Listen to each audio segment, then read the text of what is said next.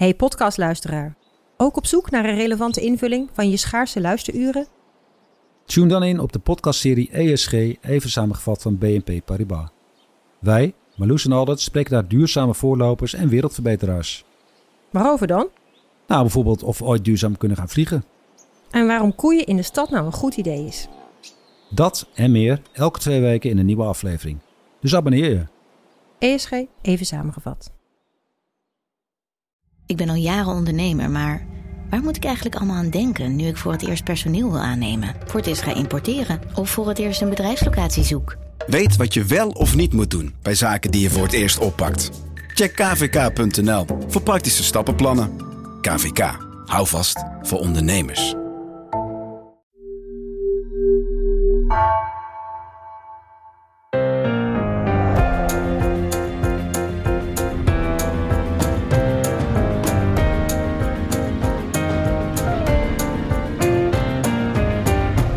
Dit is Haagse Zaken van NRC. Mijn naam is Lemia Aharwai.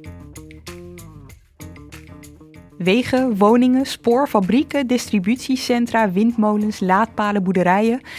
In Nederland staat best wel veel. Maar om het aantal mensen dat hier woont en naar verwachting zal gaan wonen, bij te kunnen benen is er vooral nog meer nodig. Meer huizen om in te wonen, meer distributiecentra om je pakketjes te verwerken, meer bruggen, meer wegen. En ook nog op een veilige manier, waarbij natuur en milieu worden beschermd en het landschap wel leuk blijft om naar te kijken. In deze aflevering van Haagse Zaken gaan we het hebben over de puzzel die de inrichting van Nederland heet. Over wie daar verantwoordelijk voor is, over hoe kabinetten de regie uit handen gaven en wat daar de gevolgen van zijn. En ook over hoe het huidige kabinet de regie juist weer terug wil nemen. Wat betekent dat eigenlijk? En daar ga ik het over hebben met bij mij in de studio Eppo Keunig en Hallo. Carlijn Kuipers. Welkom allebei. Carlijn, ik begin even bij jou, want uh, je bent uh, debutant in Haagse Zaken. en uh, je werkt eigenlijk sinds kort bij NRC, een paar maanden. Klopt, ja. Op de onderzoeksredactie. Klopt. Ik werk sinds drie maanden op de onderzoeksredactie en ik ga me bezighouden met de vraag hoe vies is Nederland. Dus ik ga kijken naar milieuvervuiling en effecten op gezondheid. Ik heb een tijd terug zelf milieuwetenschappen gestudeerd. En toen was het idee van die lokale milieuproblemen, dus bodemvervuiling, luchtverontreiniging, stank, dat is wel zo'n beetje opgelost. Ja. En uh, volgens mij moeten we daar inmiddels een beetje van terugkomen. Dus dat ga ik onderzoeken. Ja, en jij komt hiervoor, heb je gezeten bij? Bij Investico, een organisatie voor onderzoeksjournalistiek, waar ik uh, zeven jaar volgens mij heb gewerkt. Nou, ja. welkom bij NRC en hier in Haagse Zaken. Dankjewel. Tegenover jou iemand die hier wel vaker is geweest inmiddels, Eppo Keunig. Hallo. Eppo, eigenlijk gaan we het hebben over jouw portefeuille.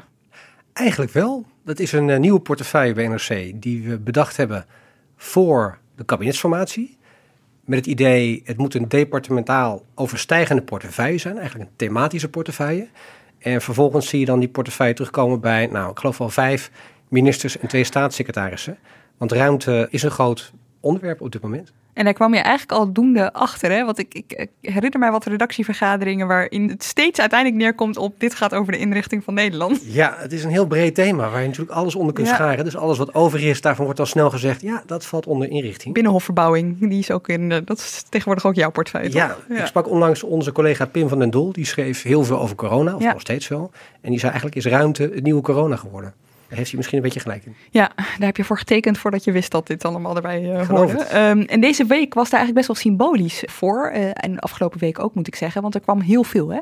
Ja, er kwamen eind vorige week vier brieven van het kabinet over water en bodem, over landschap, over de aanpak van stikstof en over de toekomst van de landbouw. En afgelopen maandag is er een groot Kamerdebat geweest over de verdeling van 7,5 miljard aan infrastructuurgelden voor de komende 10 jaar. Ook de begroting van het ministerie werd besproken, dus er was heel veel. Het komt zo ook allemaal wel ongeveer een beetje in snippers eh, terug, deze aflevering. Want we gaan het dus hebben over ruimtelijke ordening, over de inrichting van Nederland. Maar dat klinkt vrij abstract. Dus laten we het iets concreter maken. Eppo, waar hebben we het dan over? Het is eigenlijk een verdelingsvraagstuk. Hoe moet je een klein land als Nederland inrichten om alles een plek te geven? En je kunt denken aan woningen en wegen, landbouw, industrie, kantoren, bedrijventerreinen, natuur, water, infrastructuur voor energie. En die ruimte staat onder druk, want we zijn een heel klein land en er is woningnood. Er is een duurzame energietransitie die Nederland moet doormaken. Er is natuurlijk het probleem van stikstof, klimaatverandering, zeespiegelstijging. En het gaat allemaal om hele grote keuzes voor de komende decennia die eigenlijk nu gemaakt moeten worden. En dat is die ruimtelijke puzzel waar we het over hebben. Dat is echt een heleboel. En een vraag die hier boven hangt is, hebben we hier de ruimte wel voor? Eigenlijk niet. Eigenlijk is Nederland te kleiner voor al die ambities en problemen. En dus wordt er ook steeds vaker gezegd, we moeten functies gaan stapelen of combineren in het landschap. En dat wordt natuurlijk een hele puzzel op zich. De provincie Gelderland heeft dat ooit al eens mooi uitgerekend. En daar hebben ze gezegd, ja, als je alles wilt gaan combineren, wonen, werken, landbouw, natuur, dan heb je eigenlijk 1,8 keer Gelderland nodig. Nou, er is dus een heleboel op een uh, redelijk klein stukje aarde. En uh, ik zou wel eens van jullie willen horen, dat jullie voor mij op een rijtje zetten, waar hebben we het precies over? Wat, wat staat er allemaal in Nederland en wat moet er komen staan? Nou, Eppo zei het al, Nederland is een klein land. We hebben 41.500 vierkante kilometer. En daarmee staan we op plek 133 van de landen wereldwijd naar oppervlakte. Ongeveer vergelijkbaar met, met Denemarken en Zwitserland. En meer dan de helft van het land in Nederland is, is landbouwgrond, 54 procent. De helft? De helft, ja. Enorm, hè? Ja, dat vind ik echt heel erg veel. Ja. Woningen, bedrijven en spoor, weg- en vliegvelden zijn samen maar 13 procent. En dan heb je nog een derde van Nederland dat uh, bestaat uit natuur. Dus alle woningen en spoor en bedrijventerreinen, dat Ja. is maar 13 procent. Ja, ja, Oh, dat, ik had verwacht dat dat hoger zou liggen. ik eigenlijk ook. Eigenlijk wat je uit de trein ziet, die, die groene velden, hè? akkerbouw, Daar zijn er dus best veel van. veeteelt, dat is, dat is Nederland. Ja. Nou, qua bevolkingsdichtheid staat Nederland een stuk hoger op de wereldranglijst, op plek 29 tussen Burundi en India. Er wonen nu 17,8 miljoen mensen in Nederland en dat aantal groeit naar verwachting tot bijna 19 miljoen in 2035 en verder tot 20 miljoen in 2070. En die groei komt nu vooral door migratie. En al die mensen moeten ook ergens wonen. Die mensen hebben een dak boven hun hoofd nodig. En eh, we hebben een woningtekort, zoals iedereen weet. Dat huidige tekort is ongeveer 315.000 woningen. Maar het kabinet wil tot en met eh, 2030 eh, ruim 900.000 woningen laten bouwen. Ook om aan de toekomstige woningbouwbehoeften te voldoen. Al weet je natuurlijk niet precies Nee. hoe groot die zal zijn. En de meeste van die nieuwe woningen zijn gepland in het westen, in stedelijk gebied. Maar ook weer in Brabant en Gelderland. En om al die woningen bereikbaar te maken heb je wegen, spoor, fietspaden nodig. Nederland heeft nu 140.000 kilometer aan verharde wegen, 3200 kilometer spoor en 38.000 kilometer fietspaden. Zo. En de komende tien jaar heeft het Rijk nog 7,5 miljard euro uitgetrokken om de infrastructuur te verbeteren en uit te breiden en die nieuwe woonwijken dus beter toegankelijk te maken. En de vraag is natuurlijk wel hoe snel al die nieuwe woningen en wegen er gaan komen. Want dat raakt een volgende crisis, de stikstofcrisis. Het kabinet wil de uitstoot van stikstof in de komende acht jaar gaan halveren. Dat heeft nu gevolgen voor bouwprojecten die stil komen te liggen vanwege de Portos-uitspraak van de Raad van State. Maar op lange termijn gaat dat gewoon grote gevolgen hebben voor veel boeren, ook wat industrie. Het komende jaar al wil het kabinet 2 tot 3000 grote stikstofuitstoters of piekbelasters gaan uitkopen. Daarna kan dwang volgen. En veel boeren zullen moeten stoppen, verhuizen of moeten overstappen op een andere manier van landbouw, extensieve veeteelt. En dan heb je nog klimaat. Ja, Nederland, ja ik raak al een je beetje een benauwd, beetje, maar ga door. Nederland wil in 2050 klimaatneutraal zijn. En voor de inrichting van Nederland betekent dat dat we van het gas af moeten, dat woningen moeten verduurzamen, dat we elektrisch moeten kunnen rijden, dat er meer windmolenparken moeten komen, meer zonnepanelen. Het kabinet wil ook twee nieuwe kerncentrales, kondigden ze deze week aan. Dat betekent ook dat het elektriciteitsnetwerk en de infrastructuur verzwaard zal moeten gaan worden. En dat loopt best wel achter. Op dit moment wachten 3000 duurzame energieprojecten op een stroomaansluiting. Een ander vraagstuk is Oh. water. We gaan nog even door. Oké, ja. Door klimaatverandering stijgt natuurlijk de zeespiegel. En de vraag is, eh, houden we het droog in het westen of niet? En zo niet, wat doe je dan als land? Wil je een tweede kustlijn gaan aanleggen in de Noordzee, op 25 kilometer van de kust? Er zijn partijen die dat willen. Eh, of moeten we met z'n allen naar Hoog-Nederland gaan verhuizen, in het oosten? Dat zijn natuurlijk enorme bewegingen. Nederland heeft nu zo'n 17.700 kilometer aan dijken. En ongeveer 10% daarvan moet tot 2050 versterkt worden voor water. En een ander vraagstuk is hoe zorgen we dat er voldoende zoetwater is? Want we hebben natuurlijk meer droge periodes, verzilting van het land. En daardoor staat de zoetwatervoorraad onder druk. In meer dan de helft van de winningen in Nederland verwachten ze eigenlijk nu of in de nabije toekomst problemen met waterkwaliteit of de hoeveelheid zoetwater die er is. Ja, dit alles samen vraagt dus om een grote herinrichting van Nederland, een grote verbouwing. En dan als het even kan, moet Nederland er ook nog wat mooier op worden. Wat je nu veel hoort, is dat er kritiek is dat het landschap verrommelt en Mhm. verdoost. Er zijn veel distributiecentra gekomen de laatste jaren. Er staan er nu zo'n 200 grote distributiecentra. En er zitten er nog 64 in de pijplijn voor 2023, onderzocht Pointer. Dit is echt gewoon heel veel. Er is al veel. Jullie noemen ook nog eens wat er bij kan, bij- bij komt, moet ik zeggen. Dat moet allemaal in, ja, op hetzelfde oppervlakte eh, gepropt worden. Eh, laat ik dat woord maar gebruiken. En de vraag die hierboven hangt is: is er iemand die dit van bovenaf in de gaten houdt? Dus die dit allemaal coördineert? Ja, dat zou je hopen. Dat is eigenlijk ook een rijkstaak. Dat is ook heel lang een rijkstaak geweest. Maar het laatste decennium heeft de Rijksoverheid die taak, dat overzicht, eigenlijk steeds meer weggeschoven. Daarom zitten we hier. Daarom hebben we het vandaag over Ja. dit vraagstuk. Eerder dit jaar interviewde ik landschapsarchitect Adriaan Geuze over dit thema. En hij is heel kritisch. En hij zei, ruimtelijke ordening is eigenlijk verworden tot een ondoorgrondelijke lobby van belangenorganisaties, waardoor het algemeen belang in de verdrukking is geraakt. En hij zei, Nederland heeft de beste planningstraditie van de wereld, maar op dit moment zitten we in een volstrekte impasse. Het gaat buiten parlementair, het is een democratisch tekort. Nou, daar bedoelde hij mee, eh, er is te weinig centrale sturing. Ruimtelijke ordening is een krachtenspel geworden tussen bijvoorbeeld lagere of decentrale overheden, lobby van belangengroepen zoals boeren of de industrie, projectontwikkelaars of boze burgers die bezwaar maken en naar de rechter stappen. Ik herinner me ook nog een PBL-directeur, of ik moet zeggen een scheidend eh, PBL-directeur die jij onlangs interviewde, eh, Hans Mommaas, die iets vergelijkbaars zei eigenlijk. Hè? Van die, die miste ook de centrale sturing. Ja, die zijn eigenlijk, we hebben de leefomgeving decennia lang economisch uitgenut. Dus we hebben veel economisch gewin gehaald uit de bodem, uit het land. En we hebben te weinig gekeken naar ehm, ja, duurzaamheid Ja. over de inrichting van het land. Een rode lijn is dus eigenlijk dat eh, de afgelopen tien jaar die de nationale overheid, zou je kunnen zeggen, de Rijksoverheid, de regie over de inrichting van Nederland is kwijtgeraakt of heeft weggegeven. Het is maar even hoe je het eh, bekijkt. Het roept de vraag op, hebben ze die eerder wel gehad? En hoe zijn ze die dan kwijtgeraakt of hebben ze die weggegeven? Ja, nee, die is er wel geweest. Adriaan Geuze zei dat we, die zei Nederland had de beste planningstraditie van de wereld. Na de Tweede Wereldoorlog hebben we natuurlijk de wederopbouw gehad. En eh, zijn er decennia lang nota's ruimtelijke ordening geweest. Officieel vier, het zijn er wat meer geweest. Wat, de wat laatste zijn dat? is, wat eh, zijn dat? dat zijn eigenlijk ehm, grote visies van de Rijksoverheid op de inrichting van het land. Met bouwplannen voor bijvoorbeeld de komende tien jaar. En de laatste is verschenen in 1991. Zo. Dat was eh, de VINEX, die term ken je misschien wel. Dat was de vierde nota ruimtelijke ordening extra.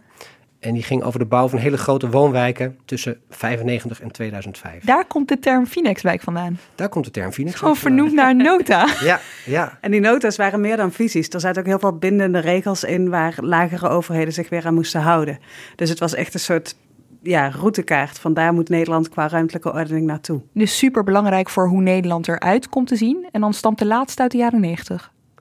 Ja, het is toen niet helemaal losgelaten hoor, met, Oh. met die laatste.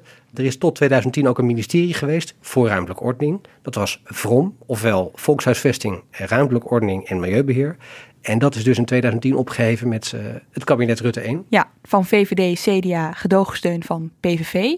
Waarom is dat ooit losgelaten? Ja, Wat is de reden? Ehm, als je daar nu rapporten over leest, dan staat erin... we dachten toen dat Nederland af was. En dat is best een rare redenatie, want er speelde eigenlijk veel meer. In zekere zin is het zo. We hadden natuurlijk huizen, we hadden een netwerk van snelwegen... en de deltawerken waren aangelegd.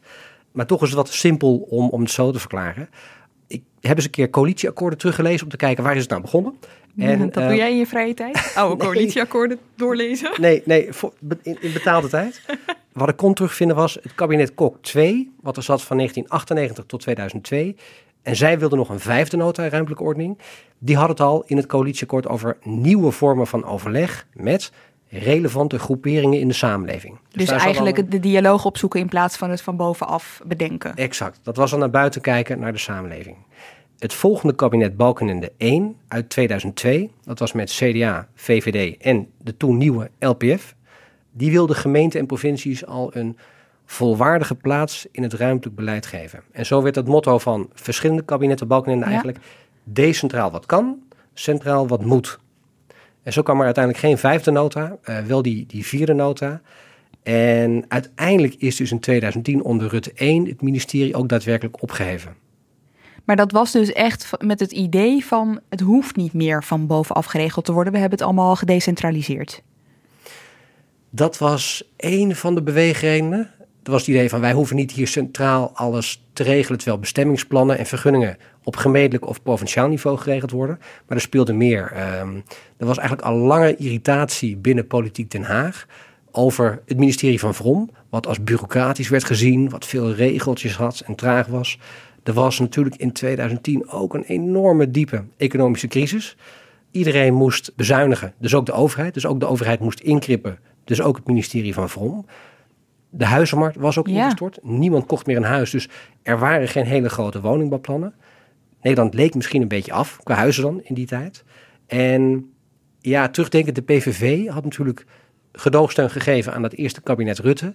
En had ook een eigen agenda en thema's als klimaat, milieu, natuur, die hadden wat minder prioriteit, denk ik. Ja, dus toen werd, er, zou je kunnen zeggen, afstand genomen van het centraal regelen van dit soort thema's.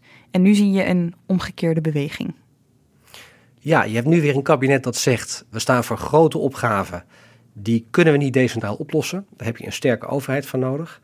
Er is geen nieuw ministerie van Vrom, dat niet. Maar we hebben natuurlijk wel Hugo de Jonge als minister voor Volkshuisvesting en Ruimtelijke Ordening. Die valt onder Binnenlandse Zaken. Er is ook wel weer een vijfde nota ruimtelijke ordening in de maak. Sinds 2020 heb je zoiets als de NOVI, de Nationale Omgevingsvisie. Dus zo'n rijksvisie op de leefomgeving. En die zijn ze nu verder aan het uitwerken. En ook op milieu werd er eigenlijk ook wel op een aantal thema's gedacht van Nederland is wel klaar. Bodemverontreiniging, dat is vooral in de jaren 60, 70 veroorzaakt met uh, industrie die, die lokaal bodem verontreinigde. Toen is er een programma geweest om dat schoon te maken en dat programma zou volgens mij, als ik het goed zeg, dit jaar of volgend jaar aflopen. Dus daar was ook het idee van we schuiven het weg bij het Rijk, het is aan provincies en gemeenten en dan straks is het opgelost. Ja.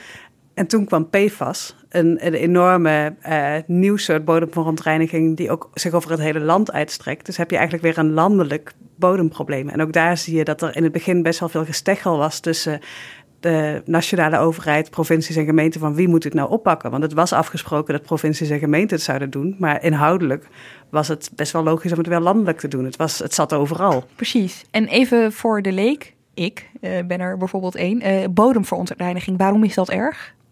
Het kan gevaarlijk zijn voor de gezondheid. Je kan, eh, als je groenten in moestuinen zet op vervuilde grond, dan is het gevaarlijk. Als kinderen spelen in een tuin uh, waar lood in de grond zit, dat is gevaarlijk. Dus het is gewoon, het beperkt wat je met de bodem kan doen. En omdat de bodem schaars is, is het een punt. Dus oké, dus ook op het gebied van milieu is er flink gedecentraliseerd. En toen kwam, uh, daalde het in, oh wacht even, uh, er is een landelijk probleem. Centraliseren kan wel weer de oplossing zijn.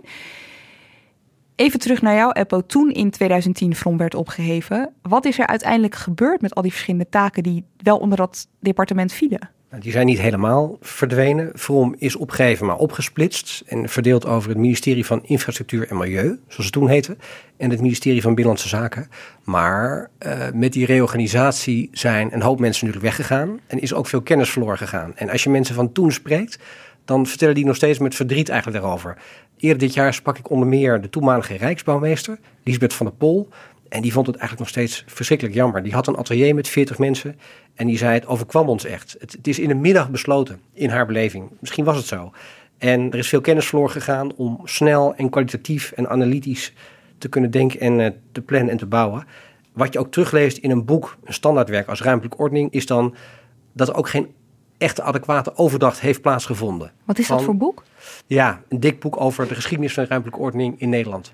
Dat lees je ook in betaalde tijd. Ik wil net zeggen, Evo, uh, is het leuk? Dat is heel interessant. Het gaat over de grote vraagstukken van nu. Ja. Maar eigenlijk is dus een hoop kennis verloren gegaan. Ja.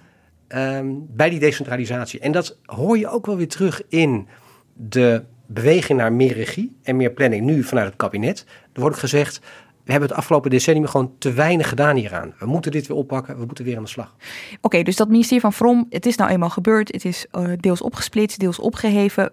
Carlijn, jij interviewde deze week iemand over uh, de gevolgen van het loslaten van uh, die regie. dat is John of John Hensen.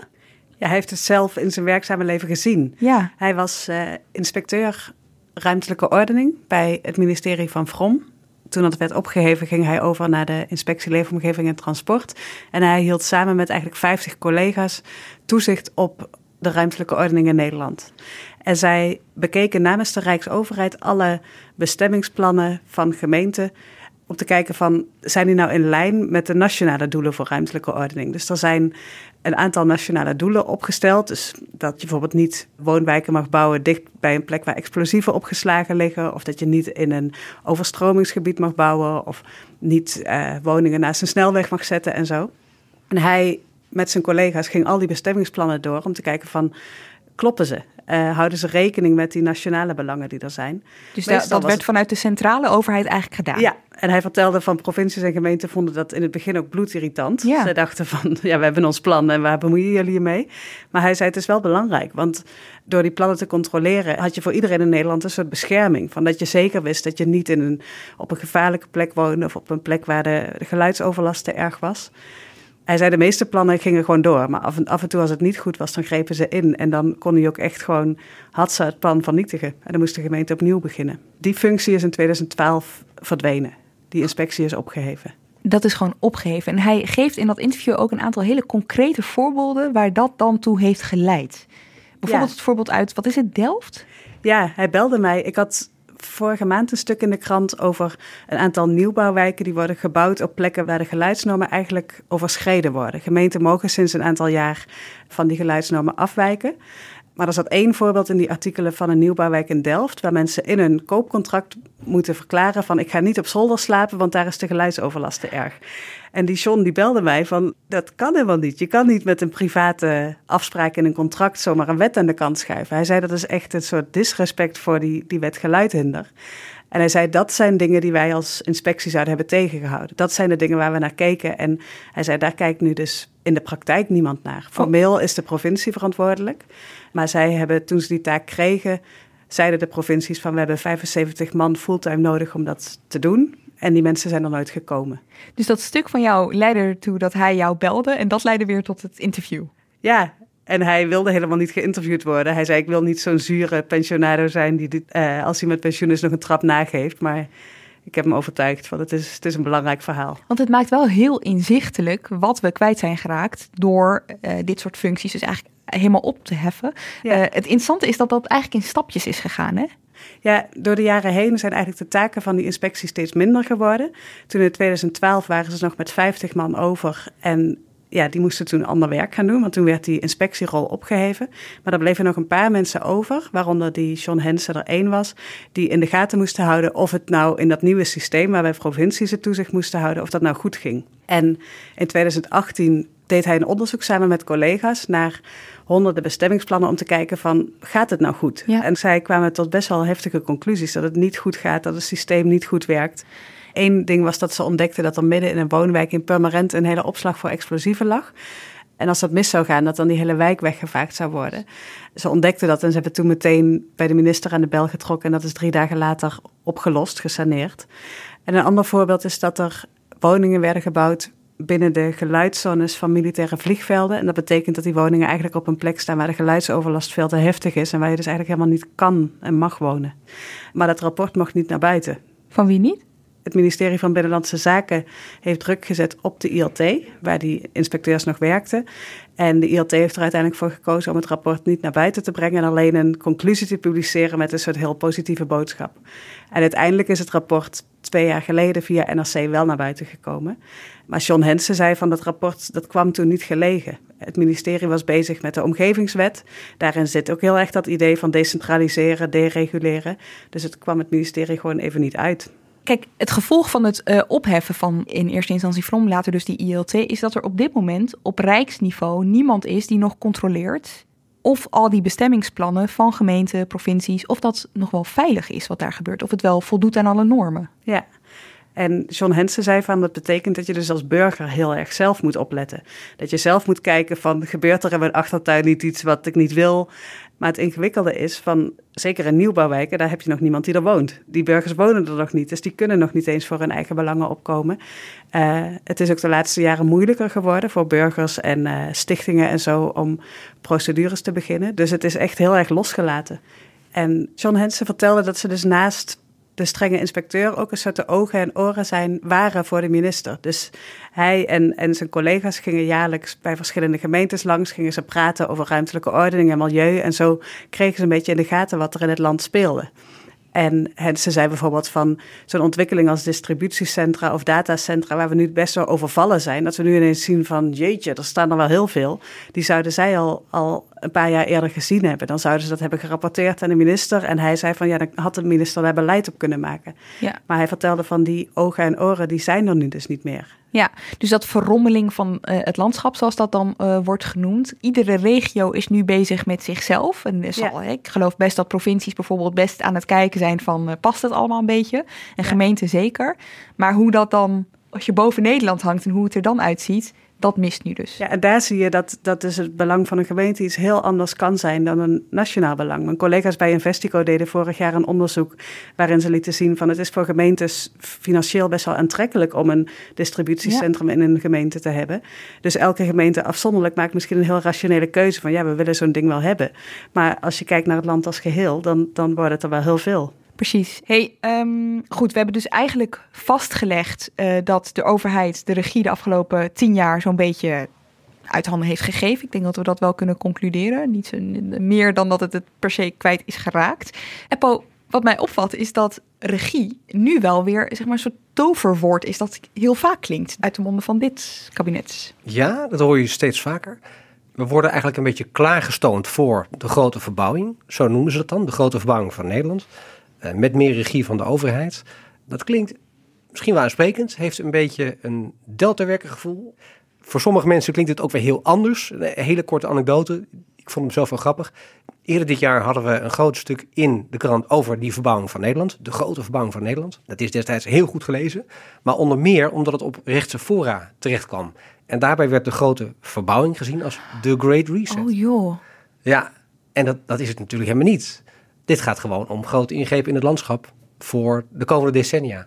Het heeft niks te maken met een geheime agenda van de overheid. Goed dat je dat hier nog eventjes uh, herhaalt, inderdaad. Ja, dit was de disclaimer. Maar ja, dus ook een heel mooi filmpje van Hugo de Jonge van eerder dit jaar, waarin hij uh, in, in Zuidplaspolder staat. Dat zie je trouwens niet op het filmpje. Het diepste punt van Nederland. Ja? 6,5 meter onder uh, NAP. En, en iets vertelt over die grote verbouwing die eraan komt en alle problemen en noden die er zijn. En let vooral ook op de bombastische muziek. De ruimtelijke vraagstukken die op ons afkomen zijn immens. En om die in goede banen te leiden, zullen we de regie op de ruimtelijke ordening moeten hernemen. En dat is een kwestie van rentmeesterschap. We zijn het onze kinderen en onze kleinkinderen verplicht om meerdere generaties vooruit te denken. En door eerlijke keuzes te maken, kunnen we een mooi en toekomstbestendig ingericht land met trots aan hen doorgeven. Was je mee? Ja, dit was tijdens een, een uh, persbezoek aan twee bouwlocaties. En hier op dat diepste punt van Nederland wordt een vijfde dorp gepland met 8000 woningen. Ik denk dat dit proces al loopt, maar bouwen in diepe polders, dat wil het kabinet niet meer. Want we zitten met water en watergevaar. Dus uh, in die zin een gevoelige locatie. Een um, regie klinkt nog uh, wat uh, abstract. Uh, we gaan het er straks wat uitgebreider over hebben, maar nu al alvast kort, wat betekent het? Waar willen ze heen? Het is ook nog abstract. Er zijn vooralsnog uh, geen kaartjes van Nederland in 2050 of 2100, of misschien zijn ze er wel, maar wij kennen ze nog niet. Je leest in een rapport als Mooi Nederland wel zaken als we kunnen grote bedrijfsvestigingen gaan clusteren, of we kunnen energienetwerken aan de kust bij windmolenparken gaan zetten. Denk aan circulaire werklocaties in steden, dat soort dingen. Wat maar betekent waar dat? wat komt, ik weet het ook niet. Het betekent duurzaam werken op één plek met een hele hoop mensen, denk ja, ik. Ja. En dan gelukkig zijn. Ja. Zoiets. er ligt ons in ieder geval een gelukkige toekomst. Uh, ja. ja, maar het is ook heel moeilijk natuurlijk, want je hebt het hier over verschillende beleidsterreinen en verschillende hele ingrijpende processen. En het is ontzettend link om een kaartje te laten zien. Dat weten we allemaal sinds het stikstofkaartje van minister Van der Wal, ja, ja. dat zij weer heeft ingetrokken. Dus stel je voor dat je nu een kaartje zou hebben van hoe je 2050 eruit wil laten zien. Ja, de pleuris breekt uit. Kijk, we gaan even proberen om uh, regie concreter te maken door een uh, aantal terreinen af te gaan. Wonen, landbouw, klimaat en infrastructuur. En wat ik eigenlijk met jullie wil bespreken is, oké, hoe raakte de overheid regie kwijt op die terreinen? Wat heeft dat voor gevolgen en hoe proberen ze het nu weer terug te pakken. En laten we beginnen met landbouw. Carlijn, als ik daarover nadenk, denk ik nou, er is afgelopen tijd in ieder geval heel veel regie geprobeerd terug te nemen met stikstof. Zeker, zeker. Maar ja. dat is niet het enige. Nee, en als je een beetje terug in de tijd kijkt, is dat je eigenlijk de afgelopen tien jaar al wel zag van die intensieve veehouderij loopt tegen zijn grenzen aan op het gebied van stikstof, maar ook op het gebied van uh, stankoverlast, luchtkwaliteit. Bij stikstof lopen we nu tegen een juridische grens aan. Daar moeten we nu wat gaan doen. Ja. Maar eigenlijk de komende jaren komen er voor landbouw nog veel meer dingen samen. De stikstof is één ding, de effecten op klimaatverandering is een andere. Die stank, ik noemde hem, uh, luchtverontreiniging. De Europese Commissie werkt aan strengere luchtkwaliteitsnormen. Die kunnen ook voor de landbouw weer flinke effecten gaan hebben. Dus bij de landbouw zie je dat er eigenlijk heel veel thema's in elkaar grijpen. En dan heb ik het nog niet gehad over de effecten van bodemdaling en verzilting, waardoor op sommige plekken van Nederland akkerbouw misschien helemaal niet meer mogelijk is over een paar jaar. En nu zie je dat de Rijksoverheid op dit thema echt wel de regie naar zich toe probeert te trekken. Hoe Ja. is dat de afgelopen jaren geweest? Je mag me helpen, Eppo, maar volgens mij is er, zijn er veel kabinetten geweest die, die dachten van het is, het is ingewikkeld, we schuiven het nog even voor ons uit. Dat voor je uitschuiven kan nu niet meer door die stikstofproblemen. En dan begint langzaam ook wel een besef te komen dat er ook nog wat andere problemen zijn die in die landbouwpuzzel opgelost moeten worden. Maar dat is heel mondjesmaat dat dat besef komt en dat het, ja, dat het idee komt van we moeten gaan nadenken over hoe de landbouw er in de toekomst uit gaat zien. En heel lang is het overheidsbeleid gericht geweest op meer, meer. In de Tweede Wereldoorlog had je de hongerwinter, een moeilijke periode van wederopbouw. Het idee van we hebben te weinig voedsel uh, heeft, heeft ook lang uh, gespeeld hierbij. Hoor ik tenminste terug als je over dit thema praat met boeren. Dus het beleid was uh, gericht op schaalvergroting. En dat zie je ook. Steeds grotere bedrijven. Er zijn minder boerenbedrijven gekomen, maar ze zijn een stuk groter geworden. Nou, we zijn natuurlijk een, een mega-exporteur van agrarische producten. Op zich een hele prestatie, maar het is schaalvergroting, schaalvergroting geweest. En aan de beleidskant is het een beetje hapsnap geweest. Ja, wat, ik interviewde vorige week iemand die zei: Als je kijkt naar ruimtelijke ordening en landbouw, dan is het eigenlijk steeds een crisis die even snel opgelost wordt. Dus een paar jaar geleden was er een uitkoopregeling voor boeren vanwege stank. Dus toen werden boeren dicht bij woonkernen uitgekocht. Nu komt er een uitkoopregeling voor stikstof.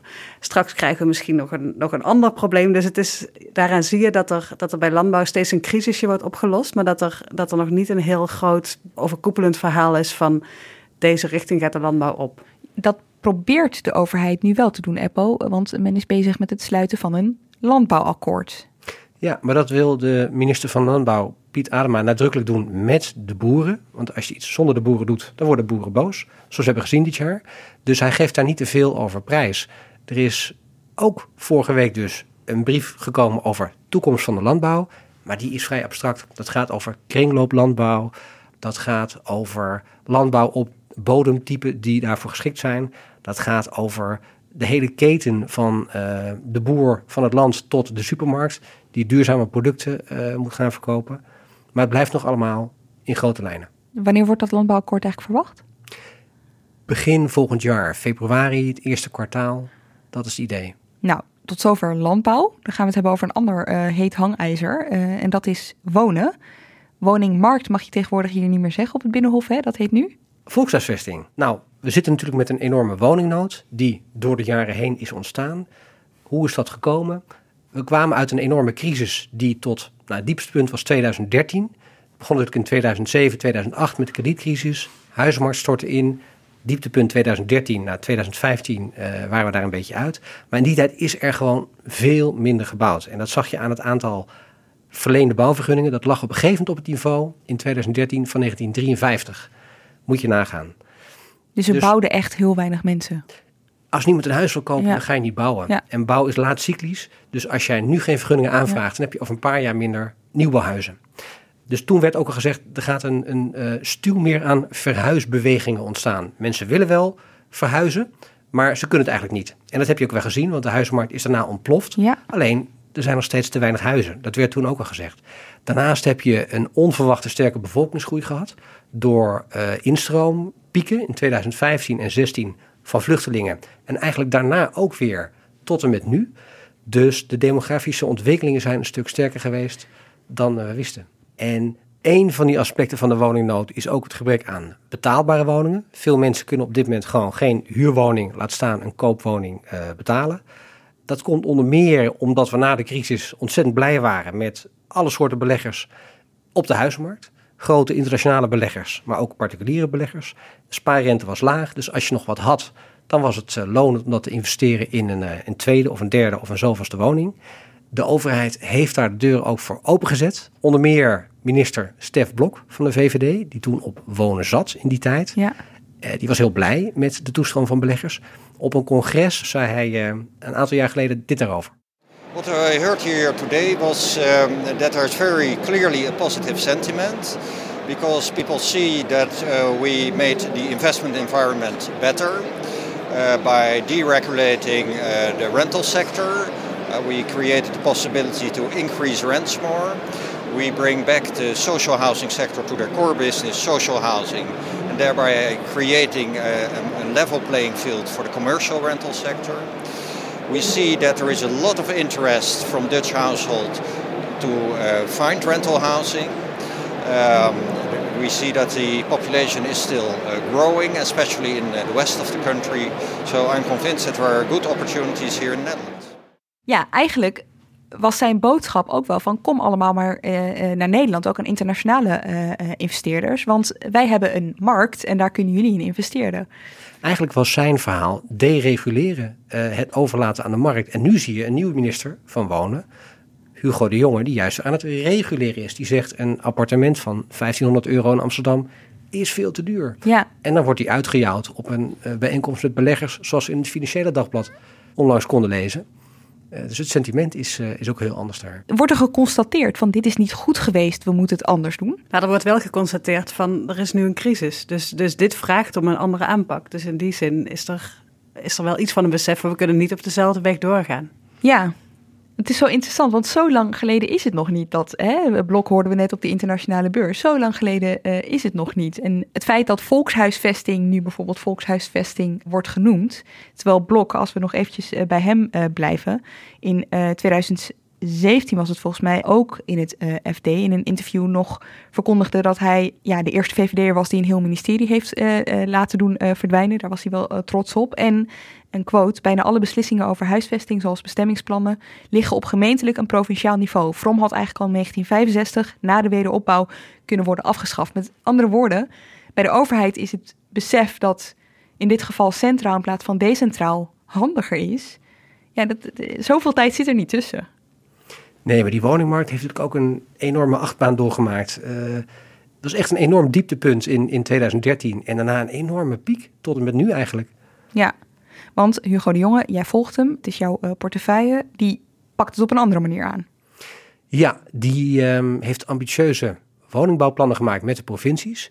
Die moeten volgend jaar definitief worden vastgesteld. En die moeten dan optellen tot die 917.000 woningen in 2030.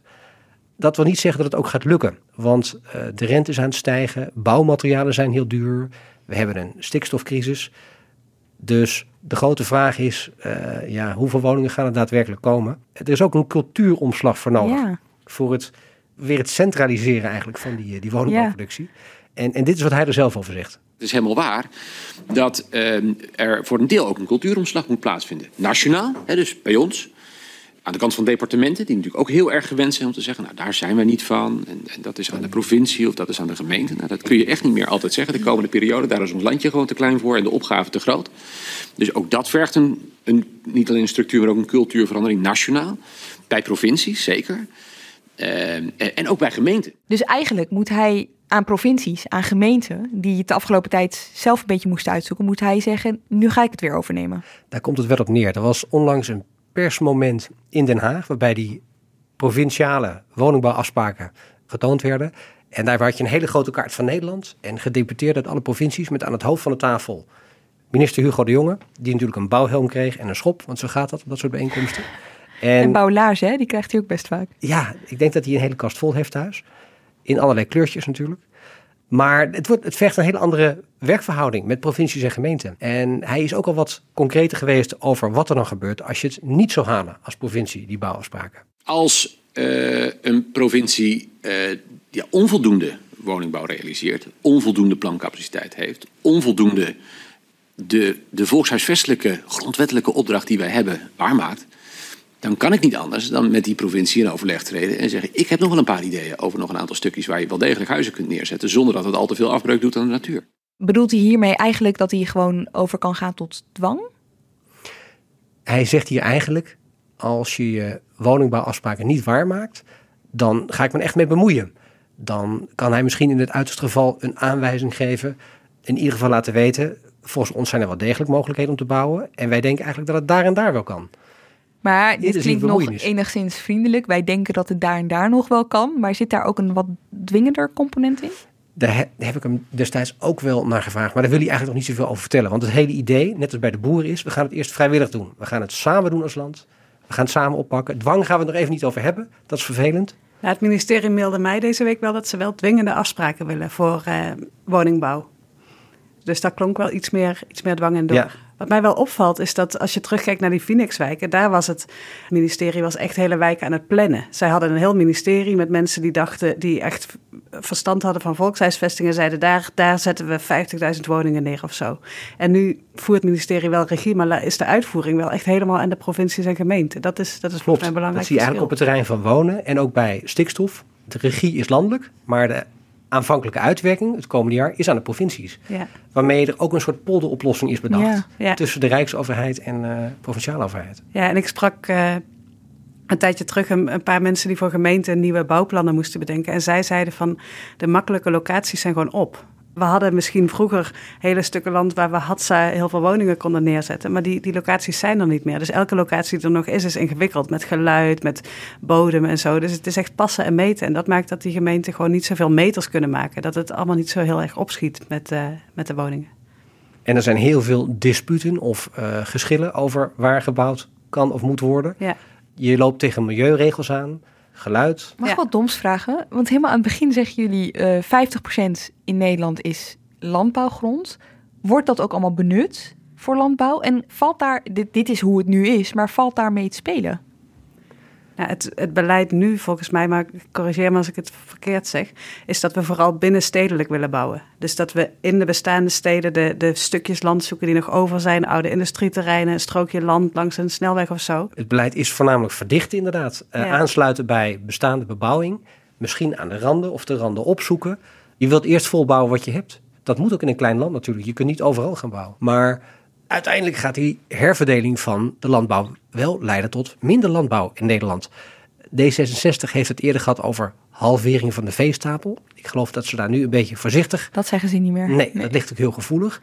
Maar als je boeren gaat uitkopen om stikstofuitstoot te verkleinen, als je op zoek gaat naar bodems die beter geschikt zijn voor landbouw, als je het waterpeil in veengebieden gaat verhogen en ze minder geschikt maakt voor eh, akkerbouw, of als je eigenlijk intensieve veeteelt niet meer wilt, maar juist wel extensieve veeteelt, dan heb je het toch over maatregelen die uiteindelijk gaan leiden tot minder landbouw. Feit is dat er dan straks meer ruimte overblijft voor andere zaken. Woningbouw wordt er bij vaak genoemd, maar het kunnen ook andere zaken zijn. Bedrijventerreinen en zo. Bedrijventerreinen. Zonnepanelen, windmolens. Distributiecentra. Wie weet. Carlijn, jij vertelde net al eventjes dat er dus eigenlijk niemand meer is die controleert of al die bestemmingsplannen wel een beetje aan alle normen voldoen, tenminste eh, eh, landelijk. Tegelijkertijd is er nu een minister eh, die bezig is met volkshuisvesting die zegt ik wil de regie op mij nemen. Heeft Hugo de Jonge dus wel dat landelijke beeld? Het lastige is, en dat gaf de, de jongen onlangs toe in een commissiedebat, is dat eigenlijk er geen landelijk overzicht is van de bestaande bouwproductie. Ze noemden dat het dashboard. Oh nee, Eh, is- oh ja, nee, ik krijg nu echt sorry. flashbacks naar corona. Er is, er is geen goed overzicht van wat waar gebouwd wordt. Ja. En, en dat maakt het op dit moment dan ook heel moeilijk, denk ik, om regie te voeren. Je moet dat eerst weten voordat je effectief kunt zeggen, daar moet wat meer komen of daar juist niet. Oké, tot zover wonen. Hebben we dus landbouw ook gehad. Gaan we over tot klimaat. Want ook daar is het kabinet nu heel voortvarend bezig. Of tenminste, de ambities zijn groot. Hoe is dat hiervoor gegaan? Nou, Nederland is langzaam geweest met het eh, voorbereiden van het halen van de klimaatdoelen. Er moesten wat rechtszaken te pas komen om het kabinet een beetje in beweging te krijgen. En nog altijd loopt Nederland best wel achter op de, op de klimaatdoelen. Ja, tegelijkertijd worden er nu al plannen gemaakt. Er moeten windmolens komen, er moeten zonnepanelen komen. Dat heeft weer effecten voor de infrastructuur, voor de elektriciteitskabels en zo. Daar loopt het nu een beetje vast. Maar dan heb je ook nog het hele omgaan met de gevolgen van klimaatverandering. Dus zeespiegelstijging, daling van grond, verdroging, verzilting. En dat is waar het kabinet vorige week een brief over stuurde, waar ze schreven van, waar ze eigenlijk een soort beeld neerzetten van we moeten leren omgaan met dat veranderde klimaat en we moeten ons eraan gaan aanpassen. We kunnen niet meer altijd denken van die dijk kan wel wat hoger of uh, we weren ons wel tegen het land. Iets wat we in Nederland natuurlijk eeuwenlang wel hebben gedaan. Dus rekening houden met uh, scenario's bij bouwen. Ja, de brief heet Water en bodem sturend. dat is op zich een oud principe, wat al veel langer terugkomt in, uh, in rapporten, maar er wordt nu gezegd, maar voor het eerst wordt het nu ook nageleefd. Maar dat woordje sturend, dat leert dus dat dat dus een belangrijkere rol gaat spelen bij het bedenken van waar bijvoorbeeld gebouwd wordt. Dat je in elk plan moet kijken van kan het wel qua water en qua bodem. En als het niet kan, dan, dan niet. En met kan het wel is dus eigenlijk de vraag wat als de zeespiegel verder stijgt. Ja, of wat als het klimaat opwarmt en je dus meer verdroging krijgt, dat soort dingen. Maar werd daar dan tot nu toe geen rekening mee gehouden? Nou, ik las een rapport waarin werd geschreven van. Uh, in 2001 hebben we dit ook al gezegd, maar waren er geen, zijn er geen methoden toegepast om te zorgen dat het nageleefd werd. Dus het stond op papier en daar stond het. Ja, dat precies. Was het. In een la verdwenen en nu is het weer urgent. Kijk, wat je in die brief ziet, is dat er, dat er best wel pijnlijke consequenties zijn. Dat, dat als je echt gaat kijken van wat doet verzilting, wat doet verdroging, dat bepaalde dingen dan niet meer kunnen. En ik sprak vanochtend met twee wethouders in Zeeland, Arno Witkam in Borselen en Paula Schot in uh, Schouwen-Duiveland.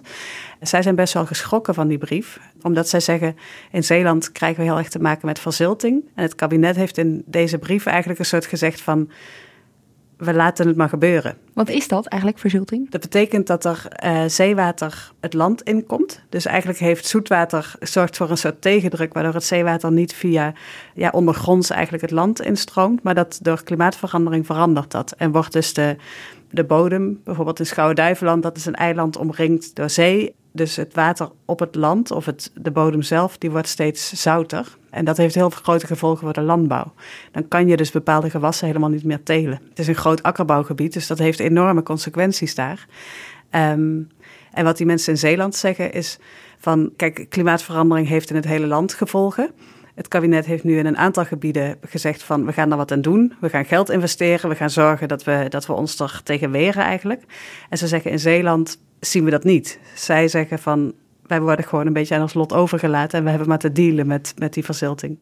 Uh, en je ziet op dit thema, wat, wat voor mij volgens mij, uh, volgens ons ook een grote opgave is, zie je dat het Rijk zich een terugtrekkende beweging maakt. En, en zegt inderdaad van, nou, bekijk het maar. Ja, dit was dus Arno Witkam uit Borselen. En wat ze mij vertelde is dat ze in Zeeland heel erg bezig zijn met onderzoek doen van hoe kan je verzilting tegengaan of hoe kan je op zijn minste tijd rekken. Dat je een aantal decennia langer hebt voordat het allemaal veel te zout wordt. Maar ze zeggen van we zijn daar al, al jaren mee bezig. We, doen allemaal onderzoeksprogramma's met steun van de Rijksoverheid. Maar dat wordt nu een beetje vergeten in deze Kamerbrief. Zij uh, voelen zich een beetje in de steek gelaten. Ja, zeker. Eigenlijk zijn we ook gewoon een beetje verbaasd dat het lijkt alsof het Rijk ook dat soort uh, kennis en innovatie gewoon helemaal links laat liggen en zegt, nou, het verzilt, kun je niks aan doen, uh, succes mee. Terwijl we kunnen er wel wat aan doen. We zijn volop bezig in deze regio, dus verdiep je erin en, en doe die handreiking. Ja, dit was Paula Schot, wethouder in uh, Schouwen-Duiveland. Dus in die brief van, het is overigens een brief van Vivianne Heijnen, de staatssecretaris van INW, CDA, zie je toch wel een soort, tenminste zo ervaren zij dat dan, die wethouders, een soort regionale ongelijkheid terug ja, zij zien dat er in, ja, zeker in de Randstad rond het IJsselmeer best wel wat plannen zijn, best wel wat, wat, wat geïnvesteerd in het, ja, het omgaan met die klimaatverandering. En ze zeggen in Zeeland zien we dat niet. In West-Friesland speelt een beetje hetzelfde. Daar, daar, speelt ook dat probleem van verzilting en ook niet echt dat er geïnvesteerd wordt of zo. Dus het, het roept een hele discussie op van waar in het land focussen we nou op? Want Precies. ik kan me ook wel voorstellen dat je niet alles tegelijk kan doen. Maar dat is een hele discussie over het verdelen eigenlijk van de pot geld of van de consequenties van die klimaatverandering. Nou, die regionale ongelijkheid zag je ook van de week terug bij het debat over de gelden voor infrastructuur. 7,5 miljard voor tien jaar. Dat klinkt als heel veel geld. Ja, maar ik wil net zeggen, heel veel geld. ja, Maar- er werd ook gezegd, transportinfrastructuur is gewoon ontzettend duur. Verdeeld over 10 jaar is het 750 miljoen per jaar. Dan klinkt het al wat minder. Maar die infrastructuurbestedingen volgen eigenlijk de woningbouwplannen. En die zitten op dit moment vooral toch in het bestaande centrum, in het westen, de Randstad, in stedelijk Brabant, Gelderland, maar echt beduidend minder in het noorden. Ja. Ook minder in Zeeland, ook minder in Limburg. En waar woningen gebouwd wordt, moeten ook wegen gebouwd worden, moeten bruggen gebouwd worden, moet spoor gebouwd worden. Ja, precies. Die gelden zijn bedoeld om 400.000 woningen tot 2030 goed bereikbaar te maken. En wat je dan ziet is dat de noordelijke provincies, Drenthe, Friesland en Groningen, onthutst zijn over het aandeel wat zij kregen. Dat was maar 4% van die pot van 7,5 miljard. Dat was 323 miljoen. En het is natuurlijk één groot lobbywerk van tevoren, waarin iedere provincie zegt: steun mij, Ja. ik heb hier een mooi project, het biedt kansen. En als je dan ja, zo weinig krijgt, is dat natuurlijk een teleurstelling. Het is overigens wel gerepareerd, later deze week, door de coalitiepartijen in de Tweede Kamer. Want die lobby richt zich eerst op het kabinet. En dan besluit het kabinet, we gaan het zo verdelen. En als je dan teleurgesteld bent, dan richt je op de Tweede Kamer. Ga je daar nog eens lobbyen. Ja. En dat is wel een beetje gelukt, want er wordt nu onder meer een aquaduct, een treinaquaduct aangelegd bij Leeuwarden. Er wordt de helft geïnvesteerd van het oplossen van een spoorknooppunt tussen Meppel en Zwolle. Een, een spoorlijn in het oosten, de Neder-Saxe lijn, wordt verder onderzoek naar gedaan. Maar het is een beetje. Maar zit er een soort logica achter? Dat, kijk, ik, als jij zegt, hè, er wordt vooral infrastructuur aangelegd rond woningbouwprojecten, dan denk ik, ja, het is eigenlijk best logisch, lijkt mij toch? Het is in die zin logisch. Je zou ook kunnen zeggen, is het rechtvaardig? Eh, is het eerlijk? Zo voelt het misschien niet als je in het noorden woont. Je zou ook kunnen denken, is dit met een scope van 20 jaar? Of wat zegt dit over een scope van 100 jaar? Stel je voor dat je uitgaat van het idee van zeespiegelstijging. En het ooit echt link zou worden om aan de kust te wonen. Dan zouden we toch allemaal wat, wat hoger moeten gaan wonen in het zuiden of het oosten. En daar zijn we niet mee bezig.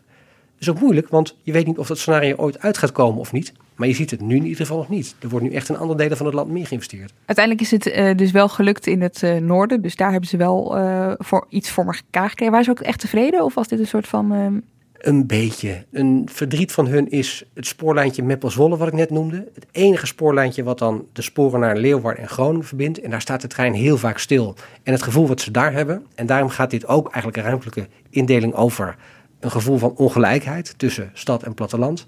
Is ja, als zo'n spoortje in de Randstad had gelegen, was het al lang gefixt. Ja, Maar hier in het noorden dat is wel waar. staan we al jaren stil in de trein. Tenminste, ik kan me een beetje vinden in dat gevoel. Dat kan ik me wel voorstellen, ja. hey, en als we de boel nou eventjes samenvatten, hè, wat we tot nu toe hebben besproken. Het komt er eigenlijk dus op neer dat, als ik het even heel zwart-wit schets, dus dat eh, de overheid, de centrale overheid, eh, lange tijd verantwoordelijk was voor hoe het plaatje in Nederland eruit ziet.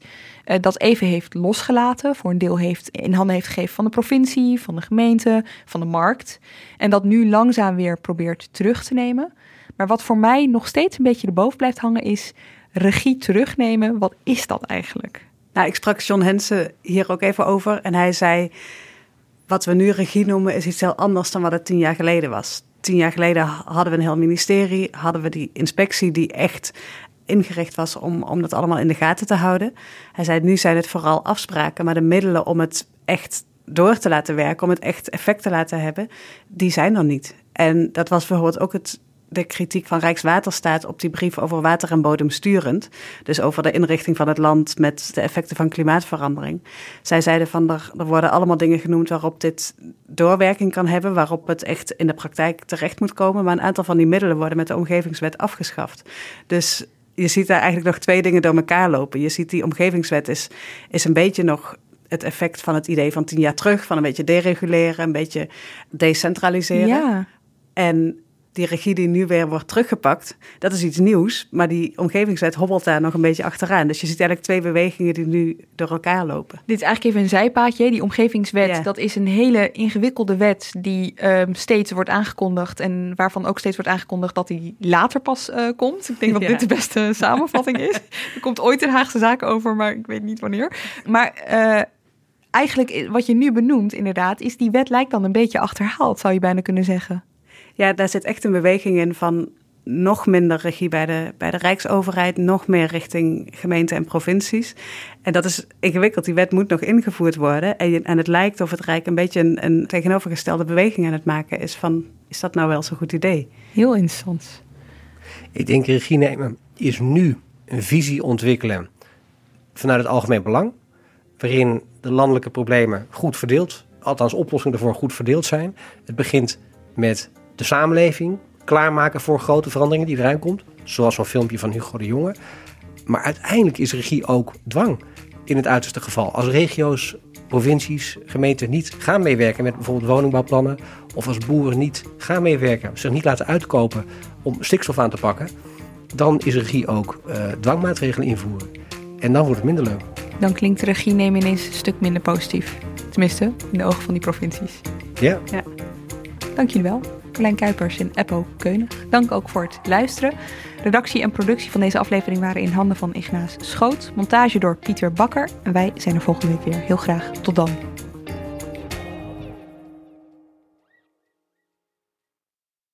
Technologie lijkt tegenwoordig het antwoord op iedere uitdaging. Bij PwC zien we dit anders. Als we de potentie van technologie willen benutten, kunnen we niet zonder een menselijk perspectief. Human-led, tech-powered noemen we dat. Ga naar pwc.nl.